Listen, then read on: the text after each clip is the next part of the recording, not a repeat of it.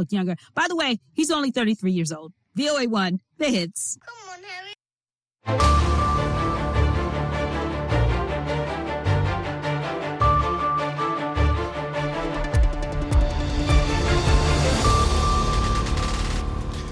halkani waa washington laantaab soomaaliga v o a oo aad ka dhagaysanaysaan muujada gaagaaban iyo weliba qaar ka mid efemyada geeska afrika iyo caalamkao dhan ood nagala socotaan boggayaga v o a somali com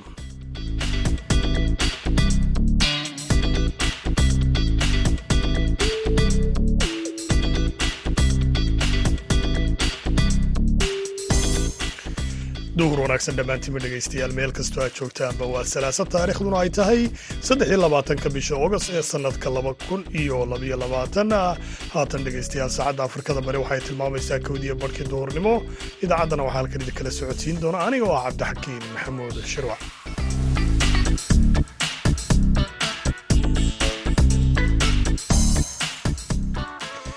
qodobada aad ku maqli doontaan idaacadda duhurnimo ee barnaamijka dhallinyarada maantana. Waxaa ka mid ah warbixin ku saabsan farqiga u dhexeeya sugaanta soomaalida hadda iyo weliba kuwii hore gaar ahaana dhinaca miisiga organku cadaan iyo madow buu leeyahay. Madowgu waa cod dhiman. Godadka madow aragto waa cod dhiman.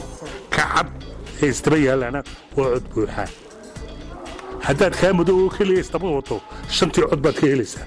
Laakiin shanta codba way dhiman yihiin sidoo kale waxaad maqli doontaan dhallinyarada qaxoontiga dhadhaab oo ka cabanaya dhibaatooyin shaqola'aan bahsan oo halkaasi ka jirta ka haysata. Kaalmii heesaa iyo weliba ciyaari ayaad sidoo kale maqli doontaan hase yeeshee marka hore ku soo dhowaada warkii dunida.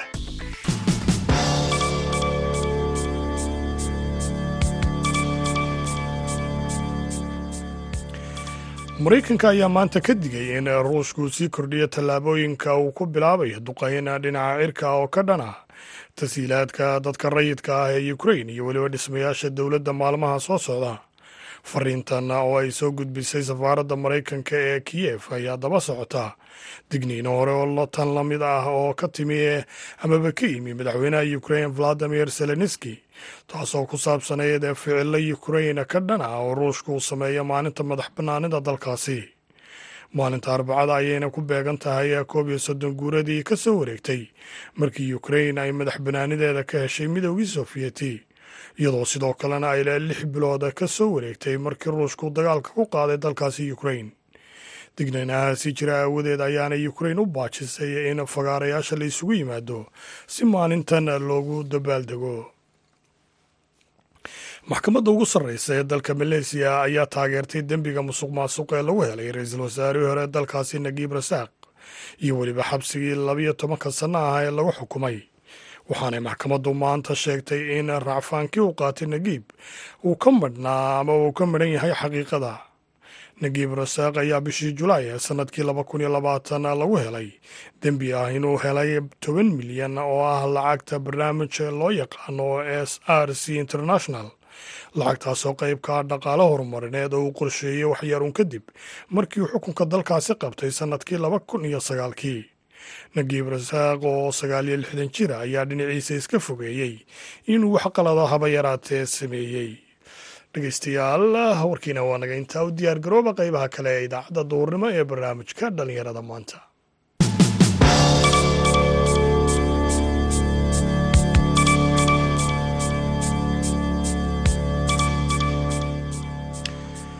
aan ku bilowna iyadoo dhowaan aan idhaahdo ee dhowaanahan dunida laga xusayey maalinta dhallinyarada adduunka ayaa kumanaan dhallinyaro ah oo qaxoonti ah islamarkaana ku sugan xeryaha dhadhaab ee dalka kenya. Ay soo waajahday shaqola'aantii ugu badnayd ee taariikhda tan iyo xilligii la aasaasay xeryahaasi horaantii ee sagaashamaadkii iyadoo aad u yaraadeen fursada ay heli karaan dhallinyaradaasi qaxoontiga ayaa haddaba axmed cabdi iidow oo xubin ka tirsan ururka xeryahaasi ka dhisan ayaa ka waramaya caqabadaha ka jira xeryahaasi. Waxaana uu waramay weriyahayaga cabdisalaan salas. Aad iyo aad baad umahadsantay cabdisalaan ka urur dhallinyaro ahaan waxaan ka hayaa xibinta xogeyaha guud ee ururka dhallinyarada ee dhagaxley arrintaa iyada waa arrimaha ugu badan ee dhibaatooyinka soo food saara dhallinyarada ayay ka mid tahay hay'adaha way isku dayeen in ay bal intay kaafagareyn karaan ama ay daryeeli karaan ay daryeelaan shaqooyin yaryar oo iska incentive ah ayay in badan ay macnaha ay ku dadaalaan. Ha yeeshee baahida taalla iyo tashiilaadka la heli karo ayaan isdabooleynin marna isdabooleynin dhallinyarada iskuullada ka soo baxda mar walba boqolkiiba sagaashan iyo sagaal bannaanka ayay joogaan. Shaqooyin aad iyo aad bay u yaryihiin wixii la helana waa wax un adi un macnaha nafcelis waay ma oge wax hadda qofkii shaqada u qalmay ama skillska lahaa uu ku kalsoonaan karo oo uu isku halleyn kara ma ahan. Ha yeeshee intaasaaba iyadana laftigeed haddii ay badnaan lahayd wax weyn bay tari lahayd laakiin aad iyo aad bay u yar tahay. Shaqooyinka la helo ee dhallinyarada ay helaan waxaa kaloo markaa qeyb weyn ka ah waxbarashadii dheeriga ahayd ayaan iyadana meesha ka maqan dhowaanahan sanooyinkan dambaba. Ilmaha dadka waxbarashada heerka sare ka gaaray ee buundooyinka sare helay awal hore waxay heli jireen deeq waxbarasho oo dheeri ah. Hadday noqoto wadanka gudihiisa iyo hadday noqoto wadanka dibadiisaba ayaa lagu micnaha lagu kala mashquuli jiray. Dhowaanahan arrintii iyada ahayd siday meesha oga baxday. Dhammaan wixii iskuul soo bogaayey wax iskuulka jooga xarada dhex jooga ay noqdeen taasi ayaa waxay qeyb weyn ka noqotay marka shaqa la'aanta baahsan ee meesha ka jirta iyo dhibaatooyinka dhallinyarada haysta ee bulshada qeybta weyn ka ah. Fursadihii hay'adaha laga heli jiray ee shaqa abuurka ahaa aad bay u yaraadeen. Caqabadaha taagan arrintaasi dhibaato intee lag ay ku yeelatay mustaqbalka dhallinyarada qaxootiga ah aad iyo aad bay dhibaatooyin fara badan ay oga ay ogu yeelatay maxaa yeelay qofka da-da yarta ah hadduusan helin meel uu macnaha skillskiisii ama xirfadihiisii uu ku soo bandhigo hadduusan helin waxaa mar walba halis uu ogu jiraa in uu ku dhaqaaqo waxyaaba naftiisa halis gelin kara sida daroogooyinka sida dembiyada macnaha tuuganimada iyo waxyaabo kale oo la halmaala. Kadibna waxay ku sababaysaa in uu gacanta dowladda uu galo oo xabsi uu galo ama isagaba naftiisa dhib isu keensado oo uu isdilo waxyaabo sun iyo waxyaabo aan la filaynin uu ku dhaqaaqa ayay ku sababi kartaa. Taas awligeed beryahan dambe waxaad aragtaa qof baa isdilay in la leeyahay dhallinyaradii way isdishay in la leeyahay taasi marka waxaa sabab u ah waxbarasho la'aanta dugsiyada sare marka la soo bogo waxbarasho dheeri aan lahayn iyo kii waxbarashada aanan u qalmina shaqa uu ku mashquulo uusan haysanin ayaa qofkii marka waxay ku sababaysaa in uu marka falalkaas falal uu ku dhaqaaqo. Misna xagga kale kii walaalkiisa ahaa haddii uu intuu iskuul soo dhameeyey waxbarashan uu helin shaqana uusan helin kii kale ee dugsiga hoose dhexe ku jiray waxbarashadiibuu halkaa ku dhaafaya. Dhibaatadaas waxaad ka arkaysaa iskuullada dugsiyada hoose dhexe dhowaanahan xaadiritaanka ilmaha iyo imaanshaha ilmaha iyo isdiiwaangelinta aad iyo aad bay dhibaato nooga haysataa kahayad ahaan. Marka taas waxaan qaybaynaa in ay sabab u tahay shaqo la'aanta jirta waxbarashada hore ee dheerid ah oo meeshay ka baxday iyo deeqaha oo aad u yaraaday ee hay'adaha haysata ayaan yaan u sababaynaynaa in dhibaatooyinkaasi ay qayb ka yihiin. Waayahay fursadaha shaqo ee dhalinyarada qaxootiga ah ay u doontaan dhinacay soomaaliya. Sanadihii tagay ugu ay jireen oo dhalinyaro badan dalka ku laabta ayaa jiro. Haatan arrimahaasi ka waran. Arrimaha ayaga ah waa si xawli ah ay u socon jireen waayi hore ha yeeshee suu wadanka doorashadii muddada dheereed uu u galayba arrimihii hakad bay galeen. Maxaa yeeley shaqooyinka halkaas ay dhallinyaradu u aadayeen waxaa fududaynayay hay'adaha deeqbixiyaasha hay'adaha samafalka ee meelaha ka howlgala ama wadanka ka howlgalo iyaka markaa hay'adihii samafalka ahaa waxaa saameyn ku yeeshay hubanti la'aanta wadanka uu ku jiray maamulkii iyo dowladnimadii iyo sharcigii xoogaagoo xakadka galay ayaa ayakana xakadka ku imaaday. Saa darteeda shaqooyinkii faraha badnaa ee dhallinyarada halkaa wax ku baratay ay halkaa u doonan jireen ayakana xakad ayaa galay. Ha yeeshee hadda laakiin maadaama dowlad la helay oo dowladankii hadda uu stable yahay uu xasiloonaaday waxaan rajo ka qabnaa in hay'adihiin ay dib u soo laaban doonaan dhaqaalaha ay kordhin doonaan shaqaalaha halkan ku tabaale dhallinyarada halkan ku tabaalaysan ay halkaa u shaqo doonan doonaan oo wadankoodii hooyo ay shaqo ka raadsan doonaan ayaan aad rajo oga qabnaa aad baad umahadsan tahay. Macalin axmed cabdi iidow oo ah sargaal ka tirsan hay'adda l w f oo ka warbixinaya caqabada ee ka jira xerada waad mahadsan tahay macalin. Waagaaga dhegaystayaal halkaad nagala socotaana waa idaacadda duhurnimo ee barnaamijka dhallinyarada maanta. Warbixinada iyo weliba wararka kale dhallinyarada arrimahooda ku saabsan waynu soo laaban doonaa markana aynu ku wada nasanno codka maxamed xasan xuseen lafoole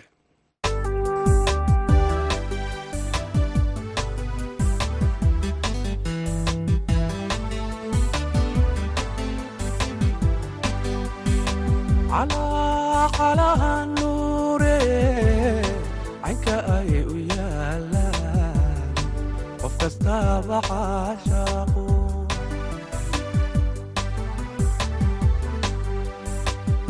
calaqalaha nuure caynka ay u yaalaan qof kastaaba caashaaqu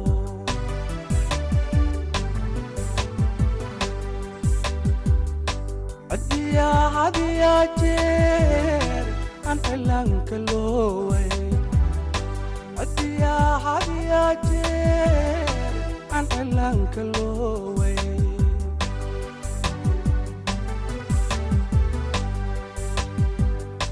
cadiya hadiyo jeer aan cilaanka looway cadiya hadiyo jeer aan cilaanka looway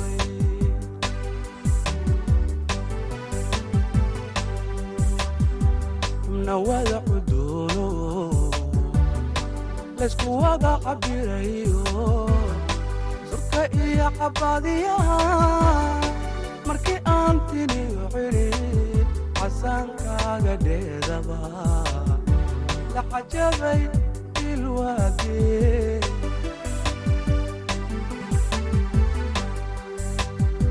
xubna wada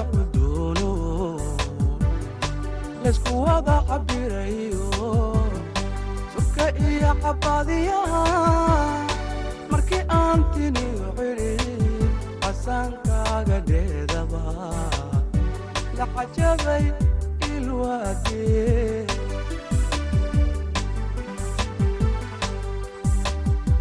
calafnimo ku raaxshaa cawa iyo ayaan leh calafnimo ku raaxshaa cawa iyo ayaan leh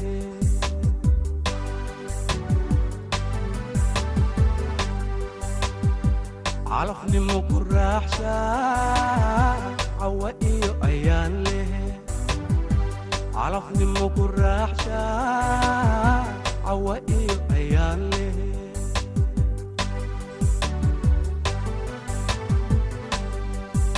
cimri dheer ku waaro ilaahay carruuriyo caafimaad ku siiyo ifkacaala iyo nabad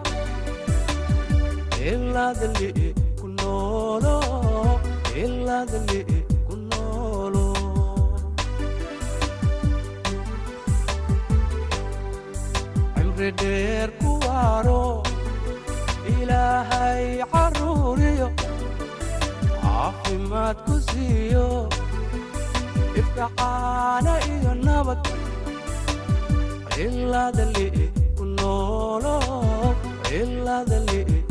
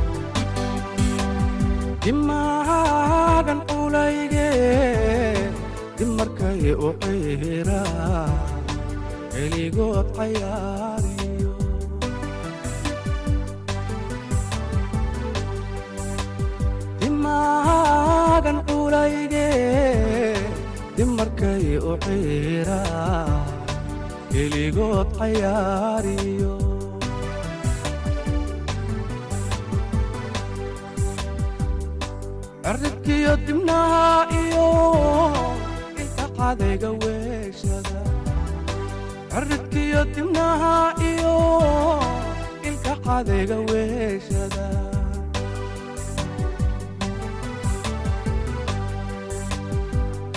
ciridkiyo dibnaha iyo ilkaqadayga weeshada ciridkiyo dibnaha iyo ilkaqadayga weeshada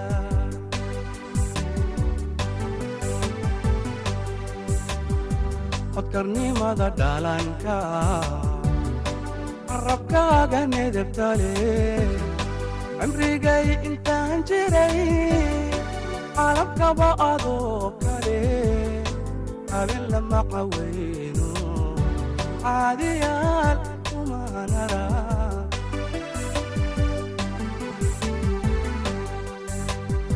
Codkarnimada dhalanka carabkaaga nedebtale cimrigay intaan jiray caalamkaba adoo kale. Habeen lama qaweyno caadiyaal umanara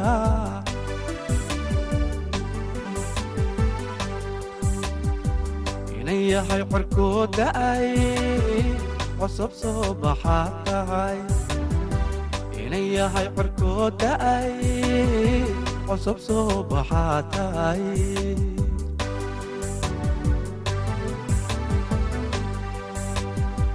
inan yahay soo baxaad tahay inan yahay soo baxaad tahay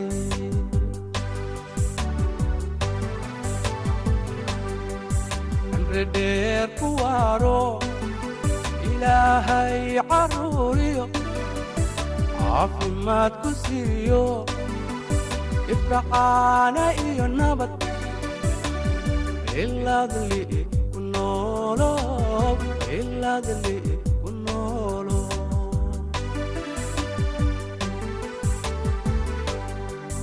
cimri dheer ku waaro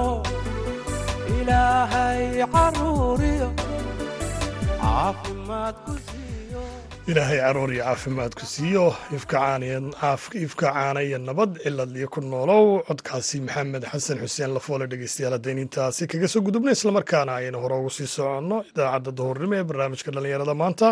Haatanna aynu kacno dhinaca iyo magaalada boorama sugaanta ayaa ka mid ayaa ah qeyb muhiima oo ka mid a dhaqanka soomaalida iyadoo siyaabo kala duwan ay bulshadu si maalinlaa u adeegsadaan.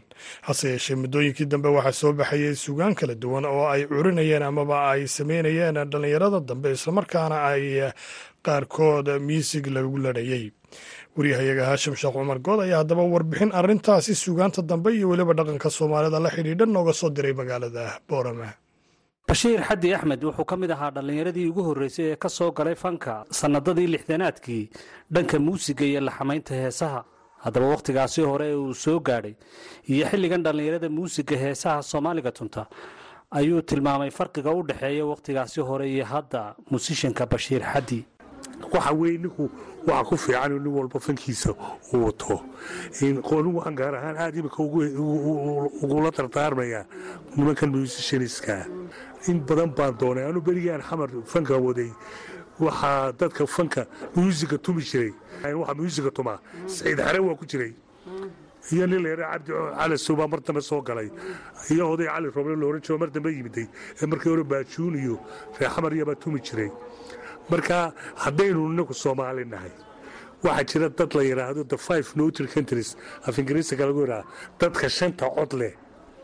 Shan cod ayaynu inaku leenahay haddaynu soomaali nahay shan cod baynu leenahay. Codka adduunyadu waa toddoba. Shan ka midoo go-an aynu leenahay ma jiro. Shan toddobadaa ka mida ayaad kulmo ku heysaysaa bardoon natural wax laydhaha c b mol c b waxaa koleeyi shantaasun haddii aad ku darto rubuc yar codku isbedelaya soomaali wuu ka tegayaa. Berigaasi ayay bilaabeen inay ku daraan waxoogaa ninka waxba yaanan magacaabin fanaaniintii qaar baanu dagaal naga dhex gaadhay annagaa naga dhex dhici waxree waqooyina anaa joogay oo muusiga tuma ina xudeedaan ugu soo biray toddobaiy lixdankii markaa biimoolkan yar nuskan yaray ku darayaan muusiga ha ka daayaan. Bashiir xaddi waxaan weydiiyey waxa uu yahay nuska lagu darayo shanta teembe ee muusiga heesaha soomaalida loo tumo ee muddooyinkan dambe in lagu kordhiyey uu tilmaamay ee dhadhanka codka muusiga soomaaliga wax ka bedelaya waxna yeelaya. Waxaan yaray ku daray haaftoonkan ay ku darayaan. Ha ka daayaan malihin in beri anigoo tanzaniya dhex socda. Ayaanu tuulo yar nimi. Tuuladaa raadioba waxaa ku socotaa hees suudaaniya waa berigii suudaantu koonfurtu soo jabtay. Ayaa suudaan waxay soo samaysay. Mawjad ku soo jeeda halkaa dadkaasi joogaan. Oo lagu suudaaniyeynayo heesaan suudaanta iyo innaka shanta xadhig baa la yidhahdaa shanta cod. Marka heesii soomaaliga ah soomaalida halkaa darawaliinta maraysa heesahay ka maqli jireen. Oo dee shanta cadhiga iyo kii suudaaniga ninkan aan labada af carabi iyo soomaali midna garanayn waa iskugu mid. Ilaa shantii muusig waa shantii une waa iskugu mid. Kii kabalyeerigee maqaayadda shaha kubayey ayaa yidhay waryaa waryaa kaale heesihiinnii baa socdee kaale dhegaysa buuri waxaa socdaana waa suudaani waxa weeye haddaad u fiirsato inay siduu qofku u dhegaysanaya heesta inta yaree nuska toonka marka la geliyo waad boodaysaa. Hata qofkani muusig ma yaqaano laakiin dhaqankii soomaalida wuu ka boodaya. Ayuu diidayaa. Taa horta nimankan waxaana ugu badan nimankan organka tuma iyo. Ayaa ugu badan oo ku dara intan taa aga daayaan shantaa nood kolba meeshay doonta ha ahaato ama biimool ha ahaato ama diyeesis ha ahaato ama naturaal ha ahaato. Saddexda nooc baynu ka tumanaa inagu. Sidoo kale bashiir xaddi wuxuu sharaxaad ka bixinayaa shanta tembe ee muusiga soomaalida. Noocyada loo tumo ama qaybahooda garaacista teembada ee qalabka muusiga. Iminka haddaan sii sheego waxa laga yaaba waa shaqadii musicianske nimankan muusiga tuma gaar ahaan organ tumaa. Ha ka daayaan. Markaad sii kala saarto organku cadaan iyo madow buu leeyahy madowgu waa cod dhiman. Godadka madow haddaad aragto waa cod dhiman ka cad ee istaba yaalaana waa cod buuxaa haddaad kaa madow oo keliya istaba wado shantii cod baad ka helaysaa. Laakiin shanta codba way dhiman yihiin jabuuti waa berigii hore saa ku isticmaali jirtay. Labiyo toddobaadka marka anuu tegey ayaan ka bedelay intaa madowun baa laga tumi jiray. Waa shantii cod weeye shantii toon weeye laakiin shantiiba way dhiman yihiin shantiiba way dhiman yihiin marka waxaa tusa cadaanka cadaankaa laga tumayaa markaad saddex tuntoma mid baad ka boodaysaa. Labaad taabanaysaa mid baad ka boodaysaa. Shanteenu saasay ku imanaysaa.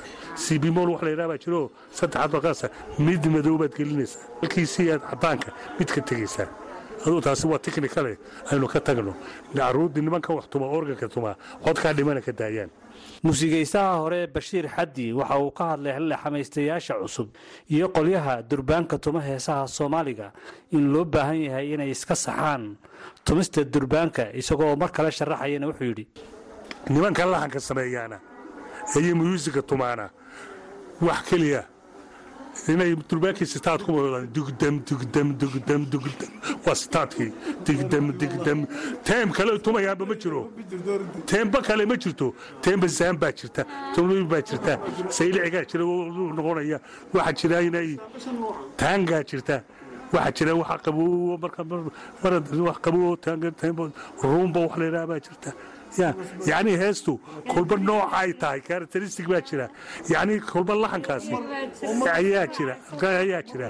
Haddii aan wixii oo dhanba sitaade faadimo sita ay digmuhu laga siiyo waa wuxuu dhadhan ma yeelanayo waayo wixii waa isku wada mid.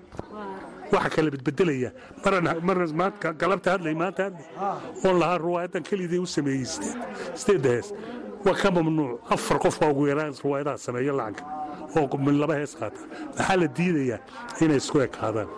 Marka imika waxaa sheegayaa digdamtani wixii oo dhan bay isku wada ekaysiinaysaa marka waxaa nimankaana kula dardaarmaya teembooyinka ama durbaanka ay qaacba af carabiga leedahay ama durbaanka aynu idhaahno ha la kala bedbedelo oo mid ordaya mid fudud mid dhexe mid holos mid maarja ha laga dhigo. Haashim sheekh cumar good v o a boorama. Waagaaga dhegaystayaal way mahadsan yihiin haashim iyo weliba bashiir xadiba. Haatanna wararkii ugu dambeeyey ciyaaraha ku soo dhowaada oo inoo hayo maxamuud mascade.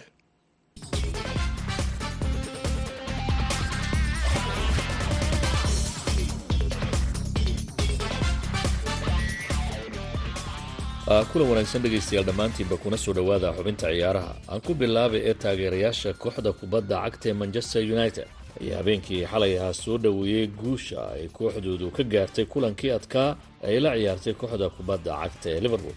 Labadan kooxood oo inta badan ah laba kooxood oo si weyn ay uga dhexayso xurguf ciyaareed islamarkaasina kulan kasta oo dhex mara ay taageerayaashu si weyn isha ugu hayaan ayaa guushanay ahayd mid lama filaana. Waayo kooxda kubadda cagta ee manchester united xilli ciyaareedkan waxay ku bilowday laba guul darro oo isxigxigta inkastoo liverpool lafteedu aanay wax guula ka helin labadii kulan ee ciyaartay oo babaro gashay. Haddana inta badan dadku waxay rumaysnaayeen kulankii habeenkii xalay in liverpool ay badin kartay. Taageerayaasha kooxda kubadda cagta ee manchester united oo taamaanka ku hayay ayaa durba intaanay ciyaartu bilaabanin ka hor waxa ay ku bannaan baxeen gegida old trafford bannaankeeda waxayna taageerayaashu dalbanayeen in milkiilayaasha u dhashay waddanka maraykanku ay kooxda isaga tagaan oo ay iska iibiyaan waxaana maalmahan soo baxayay warar sheegaya in maalqabeen u dhashay waddanka ingiriisku uu sheegay in uu doonayo inuu iibsado kooxda kubadda cagta ee manchester united haddii maalqabeennada maraykanku ay doonayaan kooxda inay iska gadaan. Si kastoo itaaba taageerayaasha kooxda kubadda cagta ee manchester united ayaa habeenkii xalay ahaa si weyn u dabaaldegay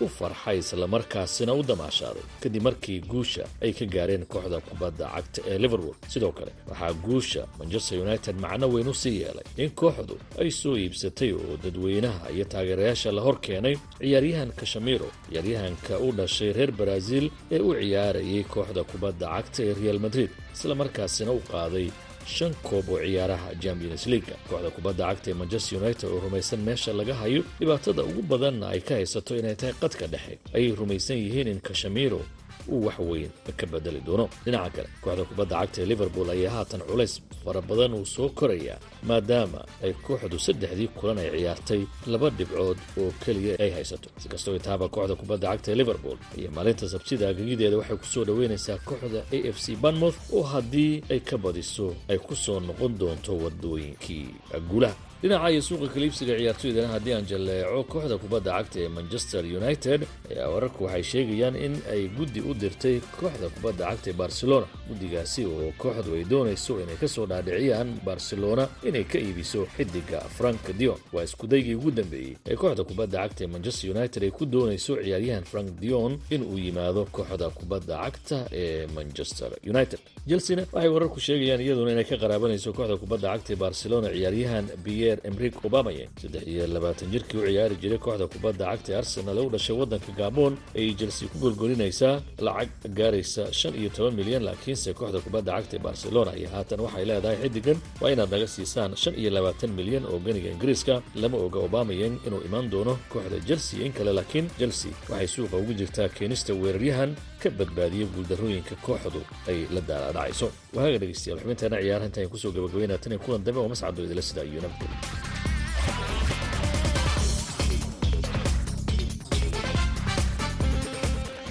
xubintaasi ciyaarahana waxaynala socodsiinaya maxamuud oo masaade gabagabada idaacaddeena ku dhownaaya markana aynu ku wada nasanno codka nimcaan hilaa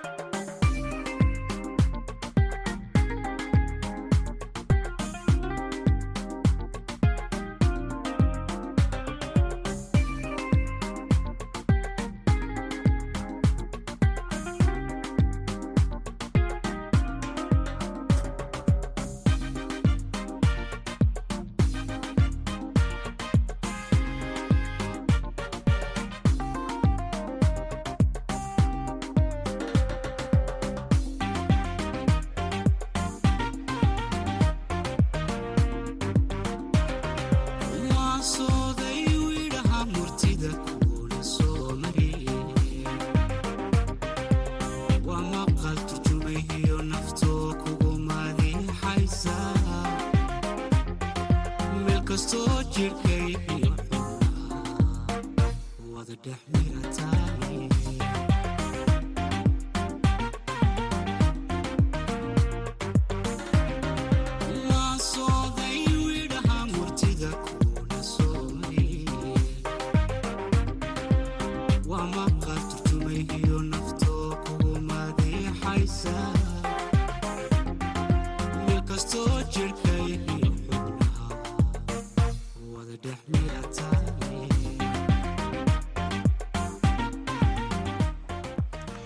heestaasi ayaana dhegeystayaal ugu dambeysay idaacaddii duurnimo ee barnaamijka dhallinyarada maanta tan iyo kulanti dambe waxaan idin leeyahay dhammaantiinba sidaa iyo nabadgelyo